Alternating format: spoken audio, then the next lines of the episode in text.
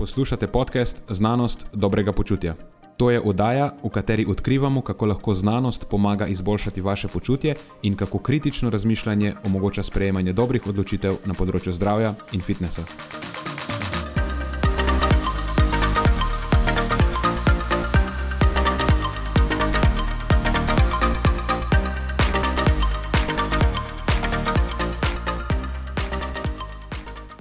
Pozdravljeni, z vami smo Nenad in moj sovoditelj Matjaš. Tokratna epizoda je namenjena eni aktualni tematiki in sicer debati okoli zniževanja vsebnosti dodanih sladkorjev v sladkih gaziranih pijačah. Pogovarjava se o tem, kakšen problem je dejansko dodani sladkor na splošno, ne le v sladkanih pijačah. Potem se dotaknemo tudi tega, ali bi ga bilo res smiselno omejiti zakonsko oziroma z nekimi zakonskimi vzpodbudami, tako kot je obdavčevanje ali celo prepoved zelo visokega deleža. In potem se vprašamo tudi, ali je strašenje pred sladkorjem dejansko kakorkoli koristno ali je lahko celo škodljivo. Preden začnemo, pa se moram zahvaliti še našim sponzorjem.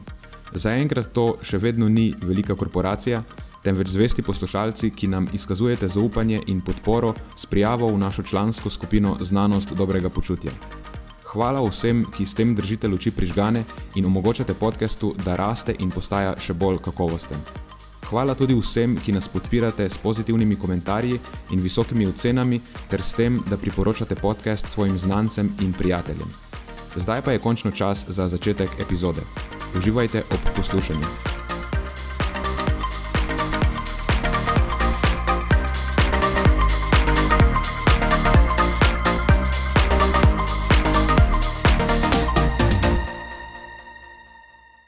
Mislim, da lahko počasi začneva. Okay. Frizure urejene. Frizura urejena, to je zelo pomembno, to je, to je vedno najpomembnejše. E, esencialno, še posebej za podcast, ki se snema brez videa. Nima veze, veš. Važno je, kaj ti v srcu veš, pa čutiš. Točno to, kako se ti počutiš. Tako, absolutno. Esencialna stvar. Prej si mi omenil nekaj, da imaš v uvodu zapovedati, kar bi želel deliti s poslušalci. Aha, ja, ja, hvala, da si me spomnil. En, uh, en zanimiv primer iz prakse, pa se mi je zdel vreden omembe na, na podkastu. In sicer v okviru našega coachinga, pogosto, oziroma ja, večino časa pošljemo svoje varovance tudi, da upravijo krvno analizo. Zato, da dobimo pogled v neke parametre zdravja, ki jih sicer enostavno ne moremo dobiti, zagotovo ne samo s prehransko analizo. Uh, in tudi tokrat je bila podobna situacija. Uh, in sicer eno varovanko sem poslal na, na ta krvni pregled. Uh, mimo grede, mogoče disclaimer na tej točki, seveda, nihče izmed nas uh, ni uh, strokovnjak na področju medicine in če česa ne vemo, seveda referiramo dalje, ampak vseeno. Uh, skratka, uh, ta punca je opravila to krvno analizo in ugotovila, da ji ščitnica ne dela tako, kot bi morala. In uh, sem dobil včeraj en tak zelo, uh, tako zelo prisrčno sporočilo, kjer sem ji zahvalila da je zdaj začela um, izvajati neko terapijo, je dobila zdravila, da se zdravi za to, in da če je ne bi poslal na to analizo, da pove, koliko časa bi še trajalo, preden bi uh, prišla do tega zaključka, da bi ugotovila, da, da sploh ima te težave v prvi vrsti, pa uh, da bi jih začela, uh, da bi jih naslovila, da bi se zdravila za njih. Tako, uh, taka zanimiva situacija se mi zdela, pa mogoče nekaj, kar bi si lahko poslušalci uh, vzeli od tega, da je morda smiselno, ne glede na stopnjo telesne aktivnosti, ta, ta punca je namreč športnica, uh, ampak izuzeto ven iz tega, mislim, da je zelo smiselno, da si približno enkrat letno upravimo to krvno analizo, pa si malo uh, pokrijemo hrbet na nek način. Ne? Dobimo pogled v ene stvari, ki jih sicer ne bi vedeli, pa jih lahko potem naslovimo uh, ob primerni pomoči, ne seveda. Mhm. To je zanimivo, ja, kar si izpostavil. Dosti krat se zgodi, ko nekdo pride k nam, pa pač, ker je deležen celostne obravnave, potem neke stvari preverimo, oziroma se dejansko jih referiramo ven. Nihče od nas potem ne, tega ne preinterpretira, oziroma overinterpretira in predpisuje nekih stvari, se ona je dobila to stvar predpisano strani zdravnika. Da, ampak vse uh mhm. -huh. nas zanimajo, preden začnemo določene stvari, ki bi pomembno lahko vplivali na ta proces.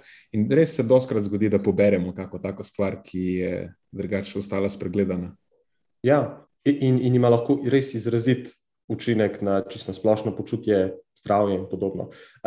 Zelo mi je zanimivo, no, ko se pogovarjam z varovanci, pa jim potem omenim to krvno sliko, so pogosto tako zelo fascinirani, ker imajo občutek, da ko pridejo k nekemu strokovnjaku, kot smo mi, da bodo deležni samo prehranske obravnave. Ne, ne pa tako zelo celostne obravnave, potem jim pa mi težimo še s spanjem, pa jim težimo še tako nasplošno z drugimi elementi življenjskega sloga. Ja. Je pa tudi zanimivo, koliko se dejansko da iz nekih preprostih številk videti. Glih včeraj, ko smo se z Marijo pelali na sestanek, mi je pokazal en uh, izvid ene uh, njegove varovanke, ene gospe, pa je prosil, če ga lahko komentiram.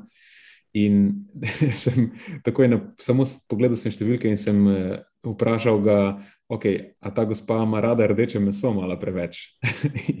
on pravi, ja, ja, se delamo na tem, ne, ker tako ene tri, štiri številke povežeš skupaj, in če izstopajo izven referenčnih vrednosti, lahko pa zelo hitro nekaj stvari sklepaš, če imaš malo kilometrine na tem področju. Ja, to je res. Ja. Zdaj imam občutek, da se parkrat sem se že pogovarjal s tabo, pa si tako samo prešinil si tisti list, pa si rekel, ok, taj na keto dieti. Ok, ta je low carver, ok, to je nekdo, ki uh, je bolj vegansko naravnan, ok, to je nekdo tako. Potem, ko si dobil več informacij, je to je bilo zelo pogosto res temu tako. tako, da, ja, ja, tako imamo kaj neka uganka včasih, ki mi vidva servirata te številke, jaz pa potem probam ugotavljati o življenjskem slogu varovancev. Mislim, da se Marijo tle rad pošali, da, da, da, da, kot, da se počuti kot haus, da je to najbližje, kar lahko temu pride, svojemu, ja. uh, svoji najljubši seriji. Ja. Ok, danes imamo spet eno special epizodo. Ideja je bila, da vsi mi trije skupaj z Marijo to posnamemo, ampak je danes Marijo dobil upravičene ure, ker ima rojsten dan. Tako da je trenutno na neki zabavi, in, oziroma nek dogodek ima prirejen in ne more sodelovati v podkastu, zato bo mi to sama zapeljala. Je pa aktualna tema, gre se uh, za sladkor, bolj konkretno za sladkor v brezalkoholnih pijačah, oziroma sladkih, konkretno sladkih gaziranih pijačah kar je očitno, nisem sploh vedel, sem bil upozorjen prejšnji teden, neka aktualna tematika. Namreč na sporedu je bila oddaja Koda na RTV-ju, predvajal, to je sicer oddaja, ki je meni zelo všeč, čeprav je tokrat, to bo sicer malo spoiler zaključka, ampak meni se je zdela nerodno umeščena ta tematika, pa nerodni so bili na koncu zaključki. Pač zdi se mi, da ta sladkor ne samo v gaziranih pijačah, ampak na splošno v prehrani ta dodani sladkor ni glih največji problem, ki ga imamo, ampak ok, bomo šli lepo po vrsti. Ime udaje, naslov udaje je bil presladke brezalkoholne pijače in čist za uvod, zakaj se jim je to zdelo pomembno, očitno pač to je nekak njihova razlaga, da je v Sloveniji pretežkih več kot polovica odraslih in tudi petina, okoli petina otrok in mladostnikov. In pred kratkim je očitno prišlo do neke zaveze devetih proizvajalcev brezalkoholnih pijač, da do konca leta 2025 zmanjšajo vsebnost sladkorja v brezalkoholnih pijačah, ki jih proizvajajo, za pet odstotkov. In to pomeni konkretno, da so se proizvajalci zavezali, da v povprečju zdaj njihove pijače vsebujejo 6,64 grama sladkorja na 100 ml, da bodo to znižali na 6,14. torej, bo prišlo do drastičnega znižanja, uh, nič cela 5 grama sladkorja na 100 ml. V glavnem, dve kaloriji. Ja, ampak, ja, ampak recimo, da gre premik v pozitivno smer, kakorkoli pač. Ampak poanta, zakaj so se oni zdaj odločili za to oddajo in jo zapeljati na tak način, ker to baje ni dovolj. In ker baje, strokovnjaki opozarjajo, da je ta cilj premalo ambiciozno zastavljen, Eh, in da to ne bo imelo nekih korenitih vplivov na zdravje prebivalstva. Torej, eh, so pa prepričani, da bi se moral ta delež vsebnosti sladkorja v brezalkoholnih pijačah še bolj znižati, in ker samo regulacija baje ne deluje, to je v smislu samo regulacija teh proizvajalcev, torej da se proizvajalci sami regulirajo, eh, in da bi mogla vmes stopiti država in država omejiti in določiti koliko je zdaj lahko sladkorja v teh sladkih pijačah. Zdaj, spet en disclaimer na začetku. Jaz sem tako, bi temu rekli, eh, libertarno nagnjen in absolutno ne maram, ko se mi država vtika v stvari, sploh pa ne v moj sladkor. Tako da že v štartu sem malo ne naklonjen tej celi ideji, ampak ok, recimo, da bomo probali kar se da objektivno zdaj eh, to zadevo oceniti, koliko je to smiselno in koliko ni. Eh, bi pa na začetku, preden začneva, glede te samoregulacije nekaj povedal, ker izpade, ko na ta način to poveš, da samoregulacija ne deluje, da se podjetja ne morejo samoregulirati. Veš, to daje vtis, da zdaj so ubogi potrošniki prepuščeni volji korporacij ne, da je korporacija tista, ki je kriva, da se ne samo ne regulira. Ampak moje mnenje je, eh, ki ni čist, eh, kako bi temu rekel, nepodučeno, ampak imam nekaj izkušenj iz tega naslova in bom tudi delil, eh, da zato niso krive korporacije, ampak je resnica enako verjetno lahko celo nasprotna. Glih se omenil sem, da so se z Marijo nekaj peljala, konkretno peljala so se na sestanek z Merkatorjem oziroma pri Merkatorju sodelujemo v, kako bi temu rekla, eni multidisciplinarni skupini, ki je zadolžena za razvoj določenih segmentov njihove ponudbe. Okay? In eh, recimo, da zaradi tega imam nekaj pogleda v to, kako funkcionirajo velike korporacije. Recimo, da je Merkator relativno velika, velika korporacija ali pa del velike korporacije. Um, in sicer ne vem, če to lahko posplošimo na druga podobna podjetja, ampak rečemo za Merkator, sem zelo pozitivno presenečen, kako te stvari funkcionirajo in koliko so oni dejansko pripravljeni posvetiti pozornosti eh, tudi kakovosti svojih izdelkov. In mislim, da tukaj pride do tega, da potrošniki so tisti, ki nočejo, ne samo samo inicijativno, ampak nočejo niti takrat, ko so spodbojeni za to, izboljšati svoje prehrane na račun tega, da se odpovejo nekim izdelkom, ki so jim blizu.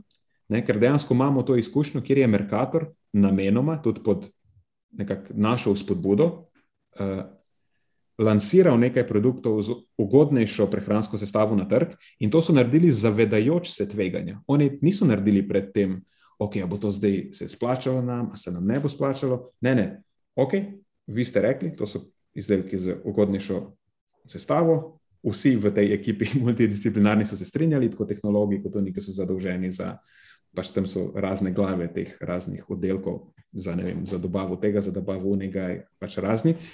Ne, ok, bomo, bomo šli v to, ampak kaj se je na koncu zgodilo? Zdaj, ko so prišli podatki nazaj, so bili enostavno prisiljeni, bili omakniti te izdelke, ker veš, tukaj se ne gre samo to, da se niso prodajali, ampak so producirali izgubo. Na koncu so se zelo upekli s tem, da so probali pozitivno vplivati na zdravje potrošnikov. In za korporacijo je na koncu pomemben bottom line. Oni sicer lahko iz neke svoje dobrodelnosti probajo spremeniti prehranske navade svojih uh, ljudi, ki pri njih kupujejo, ampak če kljub spodbudam pol potrošnik ni pripravljen na to, veš kaj pol preostane korporaciji, lahko samo propade, trg je kompetitiven. Tako da že, že v štartu se mi zdi, da se tukaj dela krivica podjetjem, ki jih hočejo dobro, ampak veš, ne, to ni bilo predstavljeno recimo v tej zgodbi, ni bila druga plat. Jaz ne pravim, da so samo potrošniki krivi, ampak krivda je deljena. Veš, zdaj reči, korporacije se ne samo regulirajo, bo morala to narediti država. Kaj pa je zdaj? Ja, to je tak. Um... Ne, ne ravno čist um, argument, ki ne vzame vse obzire v, v poštev. Ja. Če bi take stvari se pač prodajale eh, strani potrošnikov, potem neke regulacije, samo regulacije strani eh, podjetij tukaj pač ni potrebno. In razumem, zakaj potem ljudje ponovadi stremijo k bolj sladkim pijačam, ne pa takim z reducirano vrednostjo sladkorja. Mm -hmm. Ker se o tem se bomo kasneje pogovarjali, ampak imamo, veš, Coca-Cola, recimo, je tak primer. Imáš navadno slajeno sladkorjem in imaš zero Coca-Cola, ker je v vseh pogledih una enaka. Ne moš me prepričati, da je drugačnega okusa, to je kar nekaj. Oprosti, ampak res ni tak kompromis, da če bi te zanimalo zdravje, da bi še zmeraj, da bi bila taka razlika v okusu, da bi še zmeraj izbiral verzijo slajeno sladkorja. Res v nekih specifičnih situacijah lahko ta sladkor ti koristi uh, in takrat boš zbral to Coca-Cola, mogoče celo. Tudi o tem se bomo pogovarjali kasneje. Ampak recimo za večino populacije, če bi rekel, ok, mi smo se zdaj odločili kot populacija, vsi skupaj, da bomo znižali svoj vnos dodanih sladkorjev ali pa pač samo sladkorjev, ki izvirajo iz pijač slajenih sladkorjem, zakaj potem ne zberejo zero pijač? Ja, tudi meni ta argument nikoli ni pil vode. Sej nihče ni rekel, da je okus isti. Pač drugačen je, še vedno je zelo dober, ali pa dober je, vsekakor je pa najboljši kompromis, ki ga lahko ta trenutek dobiš. In za večino, tako kot si rekel, ki ima težavo, realno gledano težavo z uravnavanjem telesne mase, bo pač na zero verzija absolutno boljša izbira. Um, čudni smo ljudje. Ok, ampak v redu. Recimo, da na to nimamo dobrega odgovora. Je pa nauk zgodbe, da niso samo proizvajalci krivi. Okay, vprašanje je, če spoh nosijo večji del krivde. Jaz bi rekel, da ne. Ampak recimo, da gremo naprej. Kar se je meni v tej kodi, še enkrat bom poudaril, da je sicer oddaja, ki mi je všeč, ampak je bila ta epizoda pač nerodna. Najbolj problematično se mi je, zdaj se mi je del enega eh, zdravnika, eh, dr. Tadej Batelino, moje ime, je specialist za endokrinologijo, diabetes in presnovne bolezni. In predtem začnem najprej. Jaz sem prepričan, da je dr. Batelina strokovnjak na svojem področju. Absolutno. Eh, nočem reči, da je slabo v tem, kar dela, niti približno. Ampak prehrana očitno ni njegovo področje in mogoče zaradi tega je njegova izjava, ali pa del izjave, ki so jo objavili, izpade v nerodno. Spet čisto možno, da je bil ta objavljen odsek malo vzet iz konteksta, pa da ni bila predstavljena cela globina njegove izjave, ampak bom citiral večji del tega. Najprej to, da sladkor je edino modro obdavčiti. Ok, obdavčili smo v končni fazi recimo tudi cigarete, ker smo ugotovili, da neugodno vplivajo na zdravje potrošnika. Ne, in ker imamo nekako socialno zdravstvo, ker so vsi upravičeni do tega, potem del tega morajo prevzeti tudi tisti, ki, ki redno sodelujejo v škodljivih navadah, torej ustanovljeno škodljivih. Ne, in vsake kupi cigarete, potem s tem davkom, recimo, da če gre ta davek res tja, kamor mora iti, prispeva tudi k ohranjanju tega luksusa socialnega zdravstva, ne, da lahko stvar normalno funkcionira. Okay, cool. uh, tukaj sicer spet, um, ne, ker sem libertarno nagnjen, davki niso nekaj, kar vedno, uh, pa vse posod bom zagovarjal, ampak ok, recimo, da s tem bi se še lahko nekako strinjal. Um, vsaj, ko govorim o nekem prekomernem vnosu sladkorja iz takih virov, ok, mogoče bi bilo res smiselno sladke pijače na ta račun nekako obdavčiti. Cool. Ampak potem nadaljuje, da da je to kot kajenje, ne, ta dodani sladkor. Dejansko predvidevam, da misli dodani sladkor vse povsod, niti ne samo v sladkih pijačah. Torej, da je enako, če ne celo bolj škodljiv kot kajenje, povezan z vsemi kroničnimi boleznimi, najprej seveda sladkorno boleznijo tipa 2, z debelostjo, potem pa z rakom in vsem tistim, kar povezuje kajenje. Mislim, to je pa zdaj, ne vem, kjer spoh naj začnem tukaj. Zdaj, to, da je uživanje sladkorja povezano s tem, še ne pomeni, da je sladkor kakorkoli vzročno upleten v te stvari. Marsikdo bi to lahko razumel kot vredno sladkor, pa zdaj povzroča diabetes tipa 2 ali pa povzroča debelost ali pa povzroča rak ali pa karkoli. Ne, ne, tukaj samo govorimo, da je povezan. Da, um, samo problem je, ker je potem dodal temu, da je kot kajenje, če ne celo bolj škodljiv, kar nakazuje na to, da on misli, da je vzročno upleten v to povezavo. Sladkor ne povzroča ničesar od tega, je samo del prehrane, in če je eh, recimo zastopan neki, z nekim večjim deležem, je potem to prehrana, ki je povezana z višjim tveganjem za razvoj vseh teh stvari. In tukaj je pač sladkor res da povezan, ampak je samo en majhen delček te zgodbe in vprašanje, če jih sploh kakorkoli vzročno upleten. In potem še tretja stvar, kar v bistvu lej, nočem biti preveč spet kritičen, ampak mislim, da res tukaj se pokaže, da ne razume glih dobro, o čem govori. Pravi, da je sladkor nekaj, kar je nevarno za ljudi, zato je dobro, da se kot z nevarno snovjo z njim tudi ravna. Okay. Na tak način predstavljena zgodba je, je napačna, ker to pač ne drži. Sladkor ni nekaj, kar je nevarno za ljudi, mislim probam se zadrževati, ampak je težko. Nekdo, ki je zdravnik, jaz predvidevam, da se je učil fiziologijo. Sladkor ni nekaj, kar je nevarno, sladkor je nekaj, kar je esencialno za ljudi, ker je sladkor naš glavni energijski substrat. Če sladkorja nimaš v telesu, posi mrtev, to je tvoje stanje. Kritično pomankanje sladkorja ni združljivo z življenjem. Če bi bil sladkor nevaren, ne, po kakšnem čudnem naključju potem naša biologija tako deluje? To je tipičen primer takega zelo problematičnega komuniciranja o prehrani. Um, in tako kot si rekel, ja, sladkor ne samo, da ni nevaren, je, je, je esencialen za življenje in to je esencialen do te mere, da je naše telo celo um, našlo mehanizme, kako, kako ga tvoriti iz drugih substratov ob njegovi odsotnosti iz prehrane.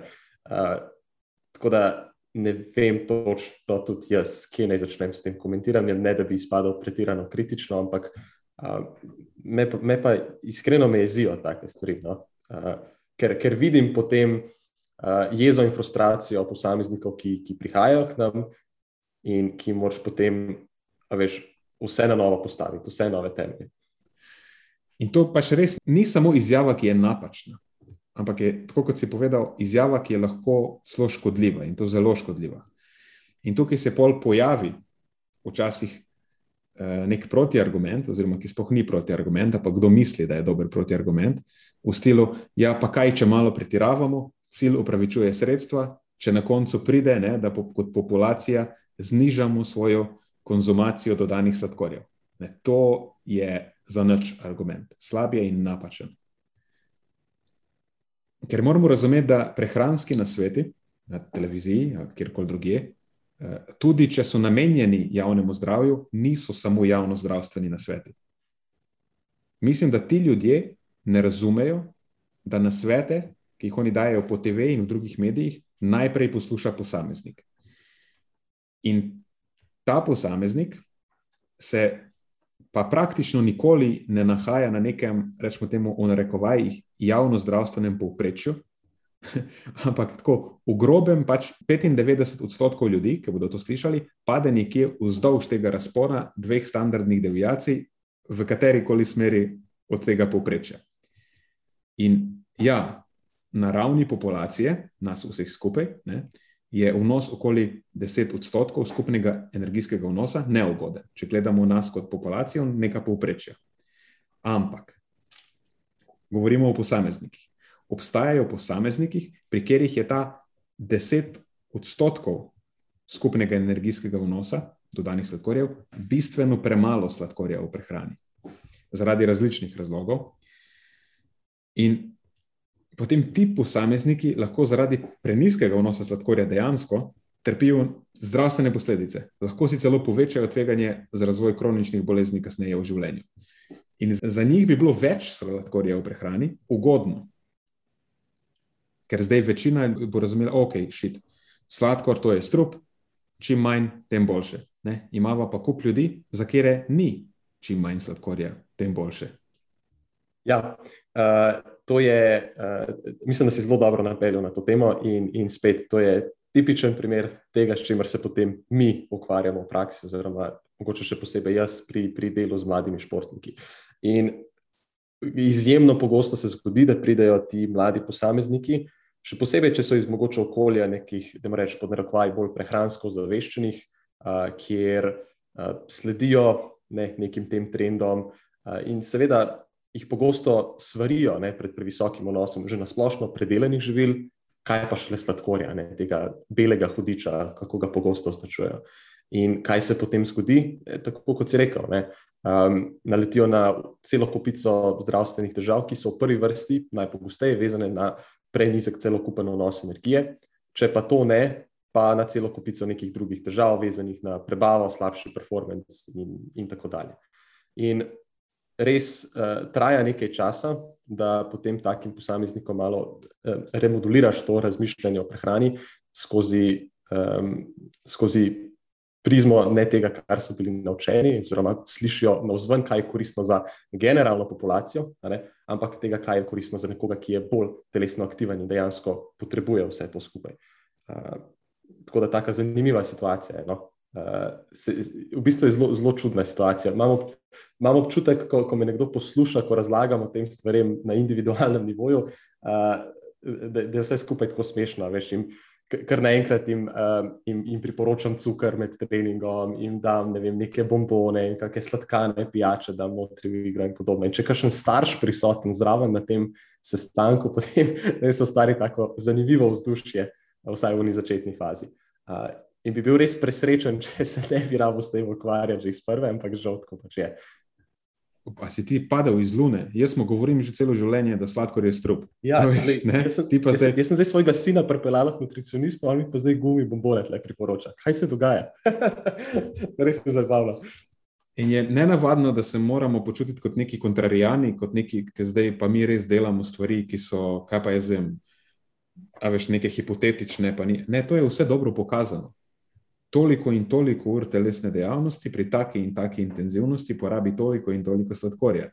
Če tega sladkorja ne daješ v sistem, sistem trpi, ne deluje optimalno. In če to delaš dolgo časa, si lahko pridelaš kupenih, eh, dolgotrajnih posledic v končni fazi. In je res zanimivo, da s tem, ko se naša, v narekovajih, ozaveščenost o zdravi prehrani povečuje ne, na ravni populacije, imamo mi vse več in več primerov ljudi, ki niso dobro prehranjeni in prihajajo k nam z težavami, ki padejo nekje po spektru tega relativnega pomankanja energije.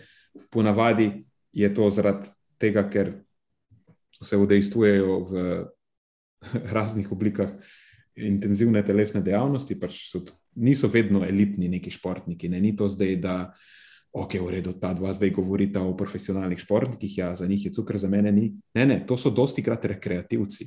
To so ljudje tipa, grem, a veš, na kolo, mogoče vsak drug dan, pa grem za malo dlje časa. Ja, mislim, če to ne bo ustrezno nadomeščeno, bo sistem trpel.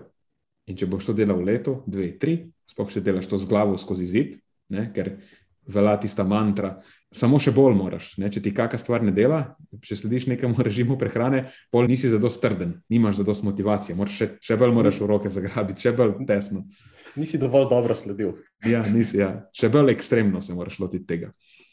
Ja, to, je, to je zelo dober point. V bistvu, sem bolj kot razmišljam, eh, najraje delam s tistimi posamezniki, ki pridejo in odkrito rečejo: Ej, jaz nimam pojma o ničemer, nič ne poslušam teh stvari, a veš, jem sladkor, jem tisto. No.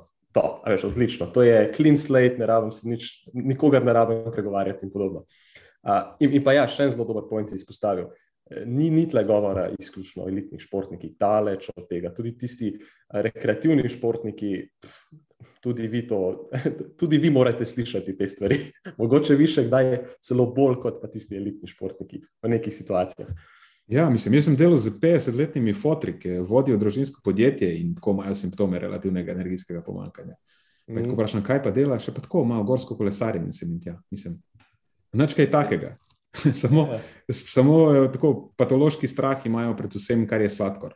Tako, tako. Mogoče sam za občutek um, bi lahko napeljala tudi na to, kaj pa to konkretno pomeni, nekako v številkah, koliko količinsko sladkorja, recimo, na, na neko enoto fizične aktivnosti. Zdaj, če se pogovarjamo o bolj rigoroznih telesnih aktivnostih, ki trajajo eno uro, vsaj eno uro, pa tam nekje do dve uri pa pol. Potem tukaj moramo že dodati količino sladkorja, ki je ekvivalentna približno 60 gramom oglikovih hidratov, ne katerih koli oglikovih hidratov, ampak sladkorja na eno uro. Ne? Sem sam za trenutek le ostal. To je, to je velika količina sladkorja. Okay? To je veliko več, kot ste mogoče bili vajeni, ali pa ste, ne mogoče, če ste kdaj razmišljali o tem. Skratka, to, je, to, to, to, to ni kar tako dobiti. ne. Um, če, če, če dava za predstavo, recimo večina teh sladkanih, navadnih sladkanih pijač ali pa morda eh, sokov in podobno vsebuje tam približno 10 gramov sladkorjev na 100 ml. Ne? Od oka. Nekateri malo manj, nekateri malo več, očitno nekateri malo manj v prihodnje zaradi teh novih odlokov. no, to pomeni tam cirka pol litra tega ne? na, na eno uro. To je kar precej. Zdaj, um, dalj časa trajajoče vadbene aktivnosti pri višjih stopnih intenzivnosti, zdaj tle se pa pogovarjamo predvsem pri, uh, zares pri bolj elitnih športnikih. No, te številke pa lahko nanesejo tudi na 90 gramov na uro ali pa celo več, kar so pa že enormne številke in morda nekaj, kar ne pride prav vsakemu, zagotovo ne vsakemu rekreativnemu športniku, ne, ampak samo tako za občutek, ne, to, um, to ni malo, goriva pod nakovaj. Ampak to ni edini naslov, iz katerega izvirajo tvoje potrebe po sladkorju. Ker na koncu dneva imaš ti tudi povišene skupne energijske potrebe in to je nekako treba spraviti noter. In kot športniku je to ne samo, da je najbolj pametno, ampak je pač, pa bi rekel, skoraj nujno, da to spravi noter v obliki oglikovih hidratov. In spet to večinoma ne bodo mogli biti vse neki kosmiči. Ker nekdo, ki ima visoke energijske potrebe, če poje toliko kos, vsenih kosmičev, kot jih mora pojesti, je to lahko v nekih primerih recept za veš, atomsko drisko, mislim, ali pa strašno napenjanje, vsaj. In boš pač moral zbirati vire, ki so bolj predelani in vsebujejo več dodanega sladkorja, neka žita za zajtrk in tako naprej. In zdaj, če ti slediš navodilom, ok, ne sme biti več kot 10 odstotkov dodanega sladkorja, ne? kaj boš pa zbiral? Mislim, kaj boš še do krompir? Ja, ja, eh, pač od ene točke dalje je dejansko najbolj pragmatično, da se lotiš takih enostavnejših virov, eh, kot so spet razni skovi, eh, druge sladkane, pijače, boni in podobne stvari. Ne vem, kdo od vaju je to rekel, ne na te si bil ti ali bi mogoče Marijo, enkrat pa, pa se mi je tako nekako v spomin usahnilo, da, da prehrana ni tekmovanje o tem, kdo poje več nekih nepredelanih živil, oziroma več vitaminov in mineralov. Pač pre, v prehrani se gre v prvi vrsti za to, da poskrbimo za svoje dnevne energijske potrebe. In če ima zdaj oseba A energijske potrebe, ne vem, karikiram 4000 kalorij ali več, nekaj, kar se zelo pogosto srečujemo v praksi, potem pač Pač od ene točke dalje, ko pokriješ tiste potrebe po raznih vitaminih, mineralih, drugih mikrohranilih, vlakninah in podobno, ne rabiš več tega. Oziroma, bolje rečeno, še več tega, vsaj nekaterih stvari, kot so vlaknine, ki si jih omenjal, ne na dva vsenih, ne, uh, bodo potem recept za dizaster. Vse ostalo, vsi ostali uh, košček sestavljenke, pa pač mora prihajati od nekod. Ne? In najbolj pragmatično bo potem to iz takih bolj enostavnih virov. To je vse. In tudi najboljše je lahko, ker zdaj večina hranil, ki jih potrebujemo za zdravje. Ne? Ko je zadost, jih je zadost. Zdaj, več kot zadost, na neki točki lahko postane tudi manj ugodno. Ker pri teh hranilih ni tako, da več je boljše. Ampak potem na drugi strani gre po hribu navzdol, ker zadeve lahko hitro postanejo, mogoče ne nujno toksične, če govorimo o primeru vlaknin, lahko pa postanejo vsaj neugodne. Ali pa več niso povezane z nekimi benefiti in so lahko povezane celo z vem, raznimi prebavnimi težavami. Tako. tako da res ni tekmovanje v tem, kdo bo pojedel več vem, vlaknin, pa nekih vitaminov in mineralov. Ampak pač rabiš za dost, in potem je lahko v drugem koraku dejansko bolj ugodno uživati živila, ki so tako, pač, eh, kako bi temu rekla, neutralna, ki ne prispevajo ničesar, samo energijo ti dajo. Tako, točno to. Všeč mi je ta izraz, neutralna živila. Ja. Neutralna energijska živila. Mislim, da je tako tudi najbolj zdravo gledati na prehrano. Štartaš iz tega, da vse, kar lahko kupiš na trgovinski polici, je neutralno. In zdaj pa obstajajo pa ena še živila, ki so malo bolj ugodna kot ta neutralna. In delež svoje prehrane izbereš iz teh bolj ugodnih, ostala pa so potem lahko neutralna. Uh -huh, uh -huh. In tako zviša svojo kakovost svoje prehrane na splošno. Tako, tako. Ja, no, to, to je zelo tak smotren način pogleda na prehrano. Problem pa je, da ima večina ljudi spet, če se vračamo na to, um, in je čisto normalno, da je tako, ker smo skozi bombardirani s temi informacijami, ja. da večina gleda na ta, da, da so ta, oziroma da so dobra živila vedno tista, ki so nepredelana, vedno tisto, ki nimajo sladkorja, vedno tista, ki ne vem kaj. Ne. Ampak ni res, pač odvisno od situacije, odvisno od posameznika, odvisno je, koliko je telesno aktiven in tako naprej. Um, pa še en maligen pogled na prehrano obstaja, torej, da lahko v trgovini kupiš nekaj, kar je samo po sebi škodljivo. Mm, good point. Ne, skoraj ne moreš. Okay, lahko bi nek ekstremen primer zihar zagovarjal, ampak načeloma ne moreš. In glih, danes sem dobil vprašanje za en intervju na mail, ker je prvo vprašanje, navezuje se na to jesensko obdobje, pa imunski sistem, pa kaj moraš uživati, sem in tja. In je prvo vprašanje, katera so tista živila, ki bi jih za podporo imunskega sistema jeseni morali izključiti? Mislim, kako je to prvo vprašanje? Prvo vprašanje, kaj moramo dati ven? To je, to je nek prvi impuls, ki ga ljudje imajo, očitno, v zvezi s prehrano. Kaj je tisto, ja. česar ne smem? Kaj je dobro in kaj je slabo? Kaj ja. moram nujno vključevati in, in kaj moram nujno izključiti? Ja, sladkor pač ni slaba stvar, sladkor je esencialna stvar in neki segmenti populacije dejansko rabijo precej več sladkorja, kot je priporočeno za, recimo, kot je neka javno zdravstvena populacijsko priporočilo. Um, je pa bolj zanimivo, kako so se oni lotili v nadaljevanju, potem v študijskem delu, ko so imeli intervju, te zadeve, ne, kaj so pa zdaj bolj ugodne alternative temu sladkorju, dodanemu. In so omenili, da Ja, da se jim pa zdi pozitivno, da proizvajalci pa uh, so začeli uporabljati višji sadni delež, ne, da nadomeščajo v nekih teh pijačah, ki so bile prej sladkane pretežno z dodanim sladkorjem, pa zdaj recimo grozdni sok ali pa jabolčni sok, pa tako, ne, pač višji sadni delež. Meni je bilo tako, to, okay, kaj? Ker ni sladkor problem. Problem so tekoče kalorije, ki pri naslednjih obrokih niso ustrezno kompenzirane. Načeloma je tako, da če si prej jedel, boš pri naslednjem obroku pojedel precej manj. Ne? To pomeni, da so predhodno zaužite kalorije pri naslednjem obroku kompenzirane do neke relativno visoke mere. Če si prej pil enako količino kalorij, tudi če je bilo iz sadnega soka, boš pri naslednjem obroku vseeno pojedel podobno količino, kot če prej ne bi jedel. So v neki meri sicer malo kompenzirane te tudi popite kalorije, ampak bistveno manj, kot če bi žvečil to zadevo. Um, in to velja tudi za sadne sokove, mogoče v malo manjši meri, ampak vse ni dobra rešitev. To je nekaj, kar je v literaturi ustanovljeno. Ko ljudi razporediš v skupine, pa jim najprej daš jesti neko sadje, pa jih potem nahraniš, pa potem jim drugič daš uh, spit, recimo nek smoothie, ki je 100% sadni delež tega sadja, pa jih nahraniš, pa pol še jim daš samo pit sladke pijače, pa jih nahraniš. Ugotoviš pač, da čim so oni pili, te zadeve niso kompenzirane do te mere, kot če si jim dal jesti uh, to sadje. To, da se propagira, da je ta višji sadni delež v tekoči hrani, dobesedno kakorkoli ugoden, pa pozitiven, je, kaj pa vem, malo tako. Mislim, da so zgrešili poanto. Ja, to je, to je bilo tako malo za, za lese privlečeno vse skupaj. Malo me spomne na neko situacijo, ki se mi je že parkrat zgodila. Uh, sem šel s kom na pijačo, pa vem, da bi bil to nekdo, ki bi dejansko koristil, da bi omejil vnos sladkanih pijač. Pa sem dobil nazaj odgovor, ampak vse je sveže iztisnjen sok. Če že zdaj pa to nekaj čist drugega, kot bi bila alternativa. Ne? Klasika, ja. Rekel, ja, super, še boš bi bilo, če bi bil, če bi bil pač svež kot sadeža, razumeš? ja, mogoče bi bilo še, da si pojedel eno jabolko, kot pa da si jih spil deset. Tako, točno to. Ker ponavadi je tako, pač eno jabolko poješ, pa čutiš, da si nekaj pojedel, dočim pač sadni sok je tako, kar nekaj jabolk rabiš, ker če iz enega jabolka narediš sadni sok, je to glih, a veš koliko. Ne vem, če bi en deci dobil.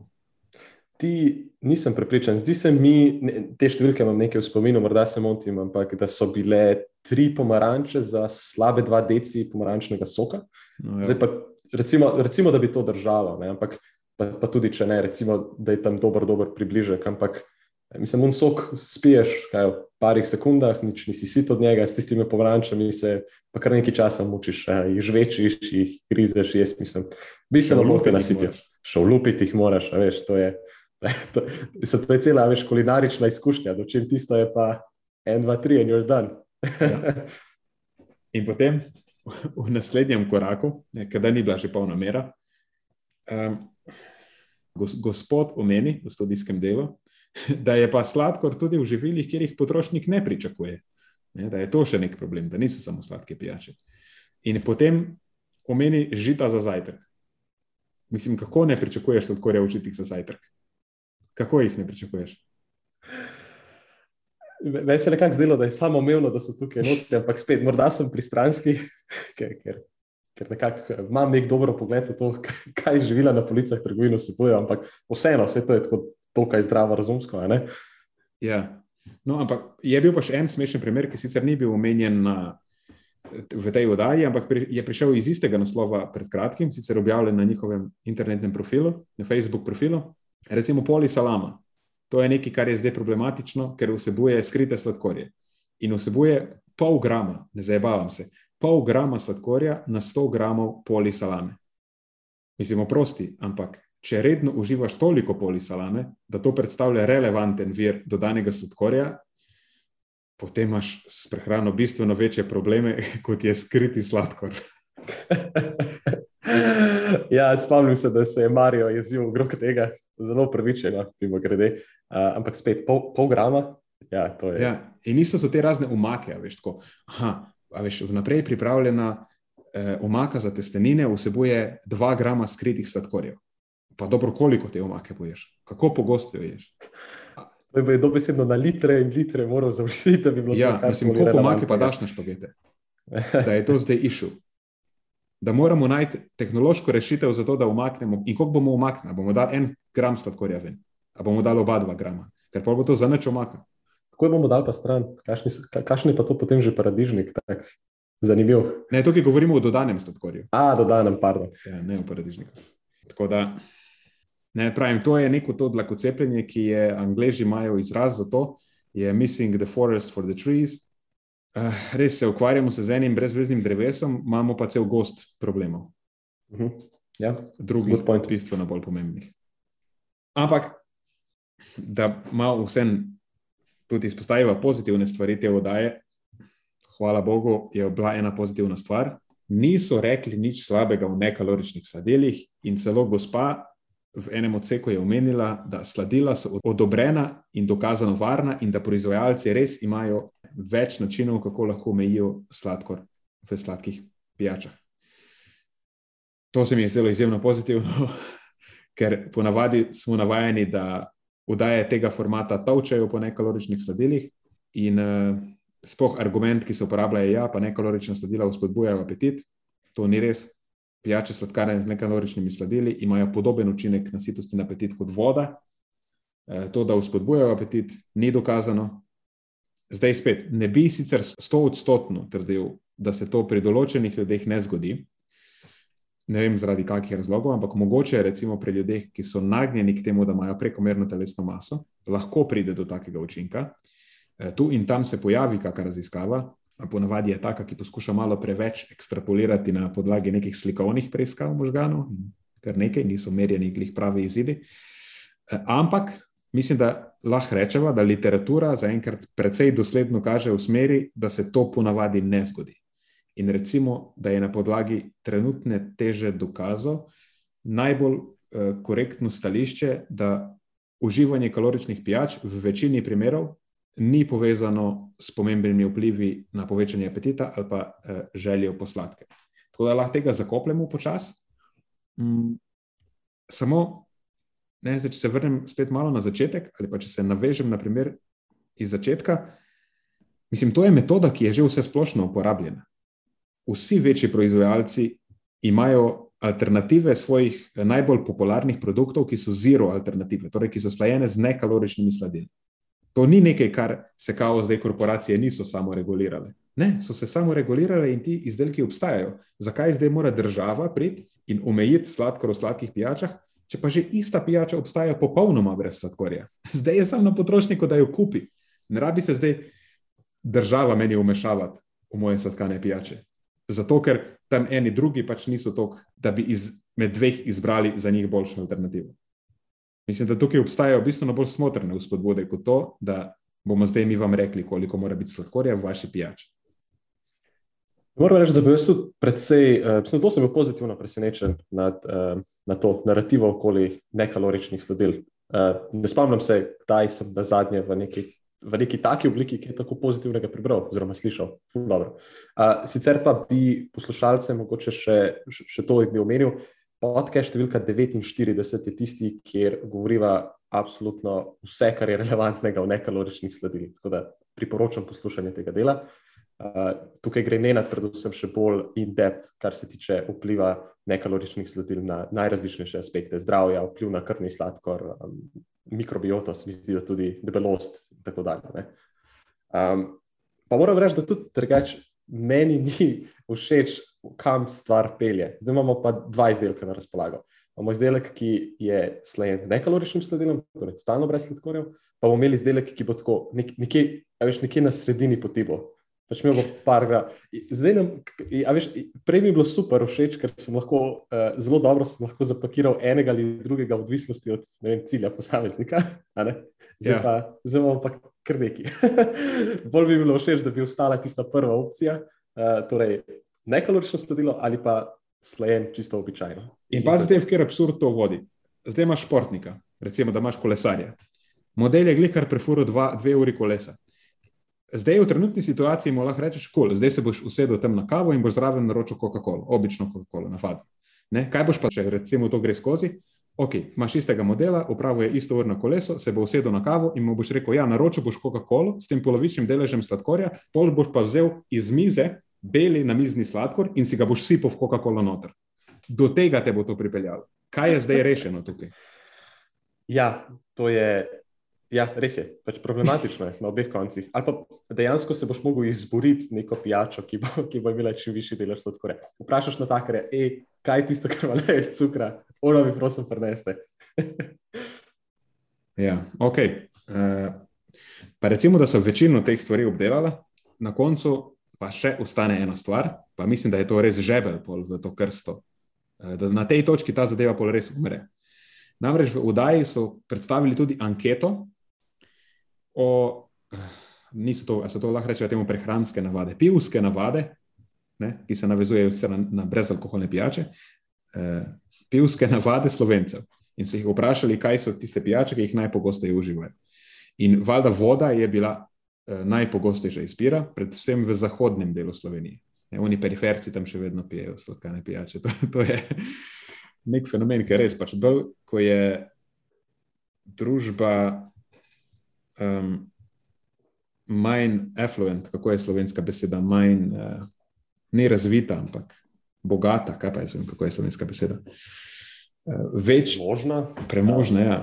Ja, vem, ni, ni to dobro prevod. Ja, bolj kot je materialno bolje stojirana, Eh, manjša je konzumacija sladkih pijač, ne pa, pa imamo recimo države v razvoju, kjer je recimo zelo velika potrošnja. Spoh Mehika je en, en tak primer, kjer imajo ogromne probleme s tem. Ampak ok, eh, nima veze to na tej točki. Torej, vseeno večina slovencev zažejo najpogosteje izbira vodo. Ampak priljubljeni so tudi 100 odstotni sadni sokovi in tedensko vsaj dobrih 37 odstotkov ljudi uživa tudi sadne sokove. Uh, In tukaj, če govorimo o omejevanju sladkorja v sladkanih pijačah, se to ne dotika sadnih sokov. Ljudje bodo še zmeraj pili sadne sokove, enake kot so jih pili prej.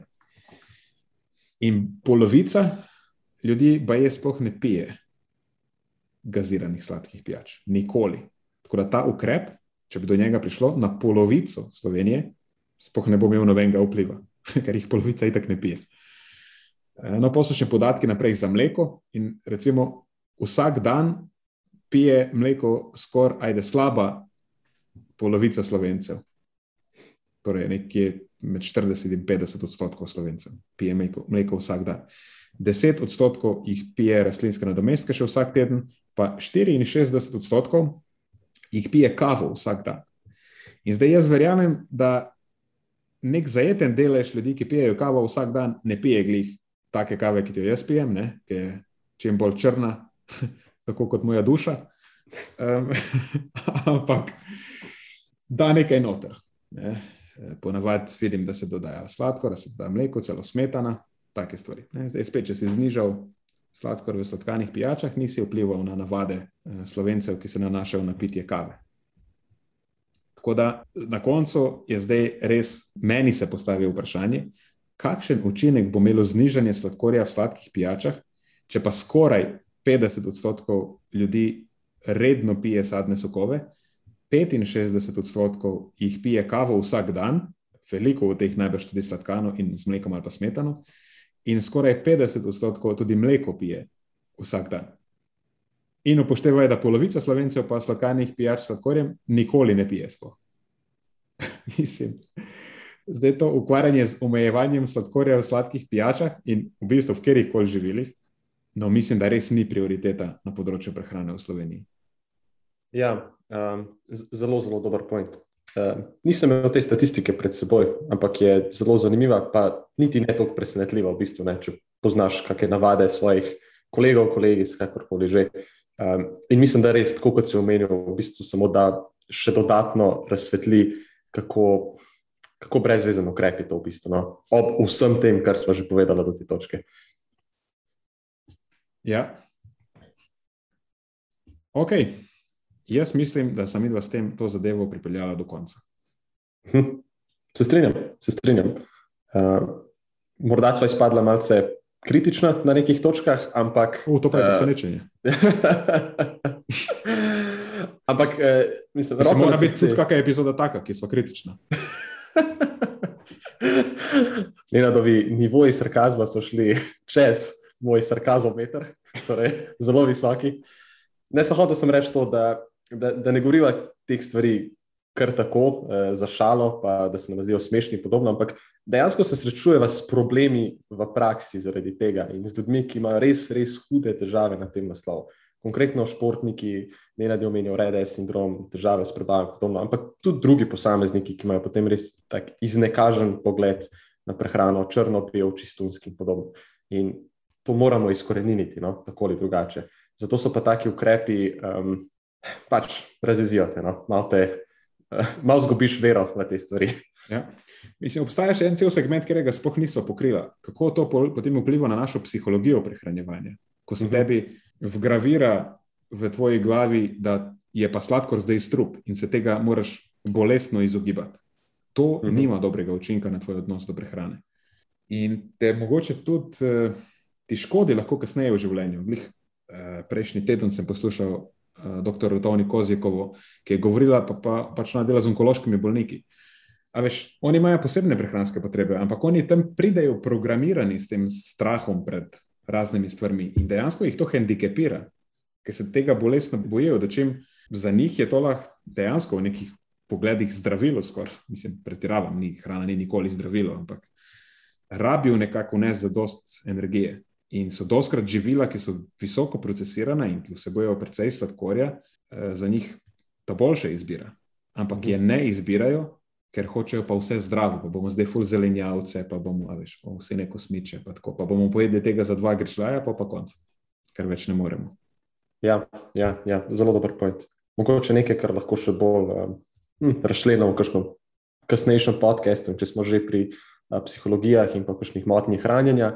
Uh, za vikend nas čaka en zelo zanimiv seminar. Takrat, ko bo epizoda objavljena, bo ta seminar že za nami. Ah, promaš, promaš.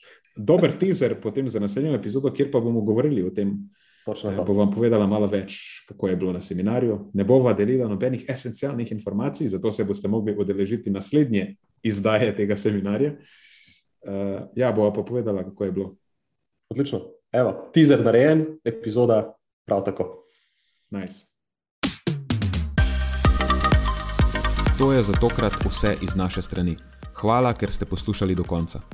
Delite epizodo s svojimi znanci in prijatelji in jo priporočajte dalje, saj s tem omogočite, da sporočilo znanost dobrega počutja doseže čim večjo množico. Hvala vsem, ki nas podpirate s članarino in tudi vsem ostalim, ki delite podcast dalje in nam izkazujete naklonjenost z visokimi ocenami in pozitivnimi komentarji. Se slišimo prihodnjič, do takrat pa ostanite premišljeni.